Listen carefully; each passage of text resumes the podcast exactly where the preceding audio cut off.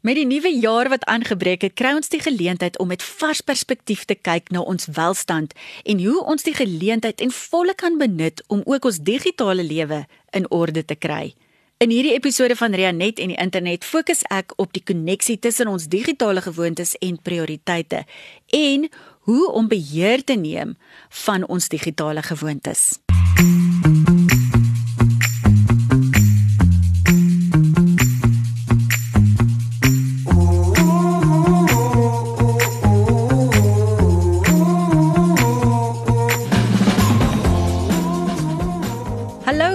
Welkom by Rianet en die internet in samewerking met Marula Media. My naam is Rianet Laibowitz en jou kuberwelstand en aanlyn veiligheid is belangrik vir my. Voorspoed vir die nuwe jaar want hier kuier ons saam en ons gesels lekker oor ons digitale gewoontes sodat ons veiliger op die internet kan reis en ons lig helder aanlyn kan skyn. En hierdie is die perfekte tyd van die jaar sodat ons saam kan praat oor Wat is dit wat ons anders kan aanpak hierdie jaar om in beheer van ons digitale gewoontes te bly sodat dit ons lewens verryk en nie enige verhoudings of ons eie emosionele welstand ensovoorts beïnvloed op 'n negatiewe manier nie. Dankie dat jy saam kuier. Hierdie is episode 6 en in hierdie episode gaan ons nou verder bou aan verlede week se episode 5 waar ons gepraat het oor hoe om 'n digitale ontklottering te doen of digitale detox te doen. Nou bou ons voort op dit. Laat ons sê, goed, ons selfone, ons al ons tegnologie is nou uitgesorteer. Dis reggepak. Daai die mekaar laai is reggepak, skoongemaak en alles is op hulle plekke. Ons het selfs die goed wat ons aandag gewoonlik aftrek soos daai flikkerende liggies of notifications soos ons sal sê, ons het dit afgesit. Ons het seker gemaak daar is nie meer daai ongeskikte onderbrekings wanneer ons in daai oomblik is waar jy in iemand se oë staar of daai heerlike gesprek het rondom die etenstafel en dan is jou foon nou besig om te vibreer nie. So ons het dit alles uiteengesit en uitgesorteer.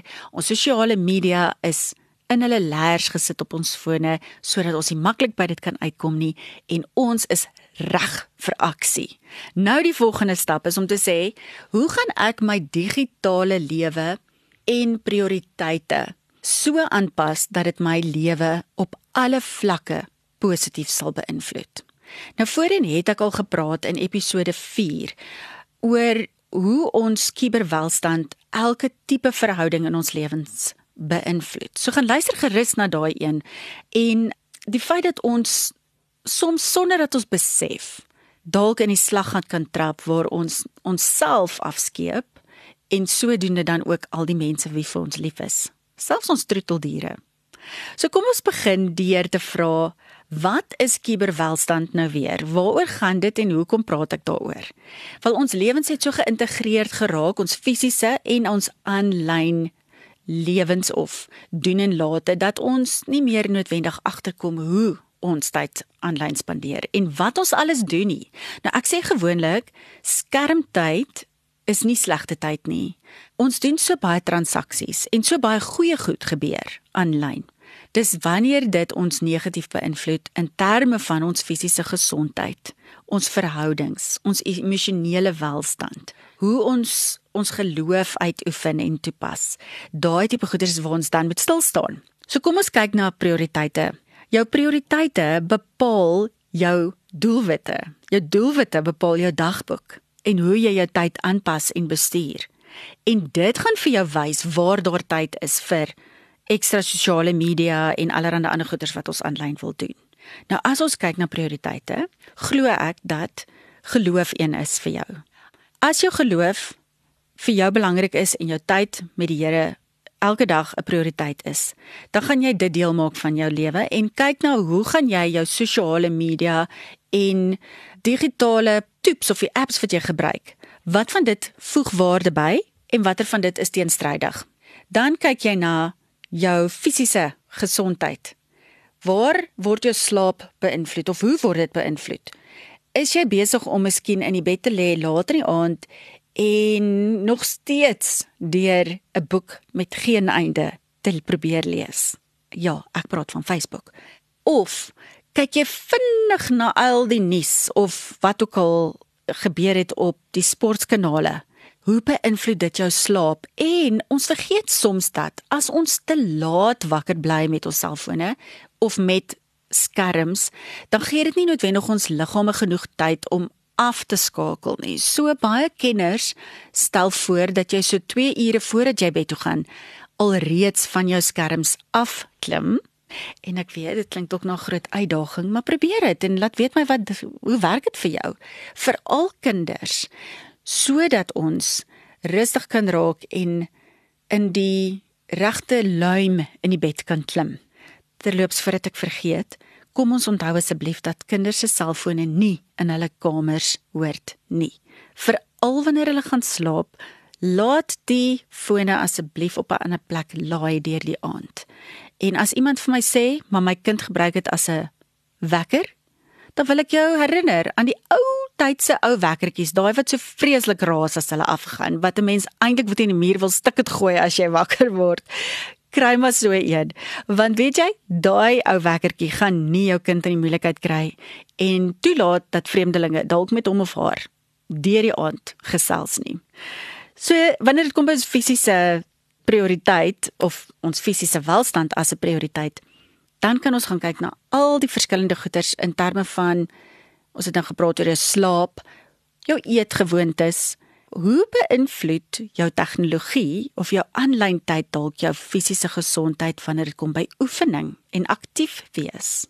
Dit was nou lekker vakansie. Dalk het jy kans gekry om lekker op die strand te draf of om die blok te stap of daai fantastiese, oeg, ek wonder nou, ek dink nou aan die Drakensberge. Dalk sit jy in die Drakensberge en jy kyk uit oor daai pragtige sonsondergang of jy is dalk in 'n mooi bosveld en jy sien die Afrika sonsondergang. Vat jou lyf en gaan stap of doen iets aktiefs en moenie vasgevang word om net na ander mense se foto's en video's te kyk waar hulle aktief is nie. Vat jou hond wat so met sulke lang oë vir jou sit en kyk terwyl jy op jou foon is vir 'n stappie of vra vir die gesin kom ons gaan doen almal saam iets buite. En iets soos bal gooi wat miskien geassosieer word met kleinkinders kan baie baie lekker wees vir ons almal. So my motivering is staan op, los jou vingers, laat hulle ophou skraal en gaan doen iets fisies vir jouself en vir jou gesin. Baie mense gebruik wel tubes of apps om te oefen, want ons hoef nie noodwendig na die gym toe te gaan nie. Ons kan lekker saam met iemand by die huis in ons eie gemak kan ons oefen. So daar's baie maniere om tegnologie te integreer solank jy beweeg. Ek wil jou motiveer. Dan moet ons kyk na ons verhoudings, maar ek gaan nie hier baie tyd spandeer nie want die vorige episodes ons het in episode 4 daaroor gepraat, maar onthou asseblief jou verhouding met jouself, jou verhouding met die Here, jou verhouding met jou geliefde man, vrou of geliefde, jou kinders. Is hulle nou maar net nog iemand wat hier van onder af of langs aan skree en jou aandag verg. En terwyl jy jou WhatsApp groepies probeer dophou en kos maak en kyk na 'n YouTube video en alles gelyk of gee jy vir hulle jou spesiale aandag? En dan natuurlik die res van ons familie en vriende en werk. En aangesien dit 'n nuwe jaar is mag ek jou asseblief herinner dat die werksomgewing ook beter grense in plek moet hê Ons hoef nie 24 uur 'n dag beskikbaar te wees nie tensy dit van jou vereis word en in jou kontrak so aangeteken is. En wanneer dit kom by vriende en familie, kom ons sê vir mekaar, hierdie is 'n nuwe jaar ouens, ons gaan nou van nou af ons selfone of ons um, beskikbaarheid aanpas sodat ons tussen kom ons sê 6:30 in die oggend en 7:30 in die aand beskikbaar is vir julle. Maar daarna gaan ons fone afgesit word. Ons gaan dit op silence mode sit sodat ons kan afskakel vir bedtyd, tyd saam spandeer ensovoorts. En natuurlik gaan almal nie daarvan hou nie. Miskien gaan dit vir jou baie moeilik wees en miskien vra iemand anders dit van jou, dan moet ons dit respekteer. Maar dis die perfekte tyd van die jaar om dit in in te stel en dan daarvolgens te te werk en te leef. Dan kyk ons ook na ons omgewing Hoe word ons fisiese omgewings beïnvloed deur ons digitale en aanlyn lewens? En hierso kan ons nou baie lank praat oor goed soos fiber optics en hoe die natuur negatief beïnvloed word en satelliete wat in die lug is ensovoorts. Maar as ons na die positiewe kant kyk, help dit ons en gee sosiale media platforms vir ons die geleentheid om bewusmaking te skep, fondse in te samel en natuurlik mense bewus te maak van spesifieke goed wat ons dalk nog nie voorheen van gehoor het nie, wat ons aandag nodig het. En dit is my altyd lekker en 'n riem onder my hart wanneer ek sien hoe mense sosiale media op 'n positiewe manier gebruik. So dan natuurlik die laaste ding wat ek net gou wil noem is veiligheid. Jou aanlyn veiligheid moet 'n prioriteit wees. En ons sal weer hieroor gesels, maar intussen gaan kyk gerus op my sosiale media platforms waar ek baie inligting deel oor jou aanlyn veiligheid en daar is heelwat artikels op Marula Media wat gaan oor hoe ons onsself en ons kinders kan beveilig wanneer dit by sosiale media en die internet kom. So gaan en gebruik hierdie inligting nou om nie net vir jou digitale lewe en um die jaar wat voorlê te droom en te beplan nie, maar sommer vir julle hele familie en gesin en jou en ek wil jou inspireer om groter te droom. Groter. En mag jy die regte mense en die tyd en vaardighede en alles hê en kry wat jy nodig het om daai groot groot drome waar te maak want weet jy ons het jou nodig om jou deel te doen sodat hierdie legkaart waaraan ons bou as 'n gemeenskap voltooi kan word. So daarmee sê ek vir jou baie dankie vir jou saamluister. Reis veilig op die internet. Mag jy hierdie jaar gebruik om jou lig helder aanlyn te skyn en om regtig ek wil sê met intensie elke liewe keer wat jy 'n knoppie druk op jou foon te konsidereer hoe dit jouself beïnvloed En voordat jy 'n knoppie druk om iets te like of te share of te gaan deel, te dink aan hoe gaan ek iemand se lewe aanraak? En mag dit elke keer 'n positiewe ripple effek veroorsaak. Voorspoedige nuwe jaar.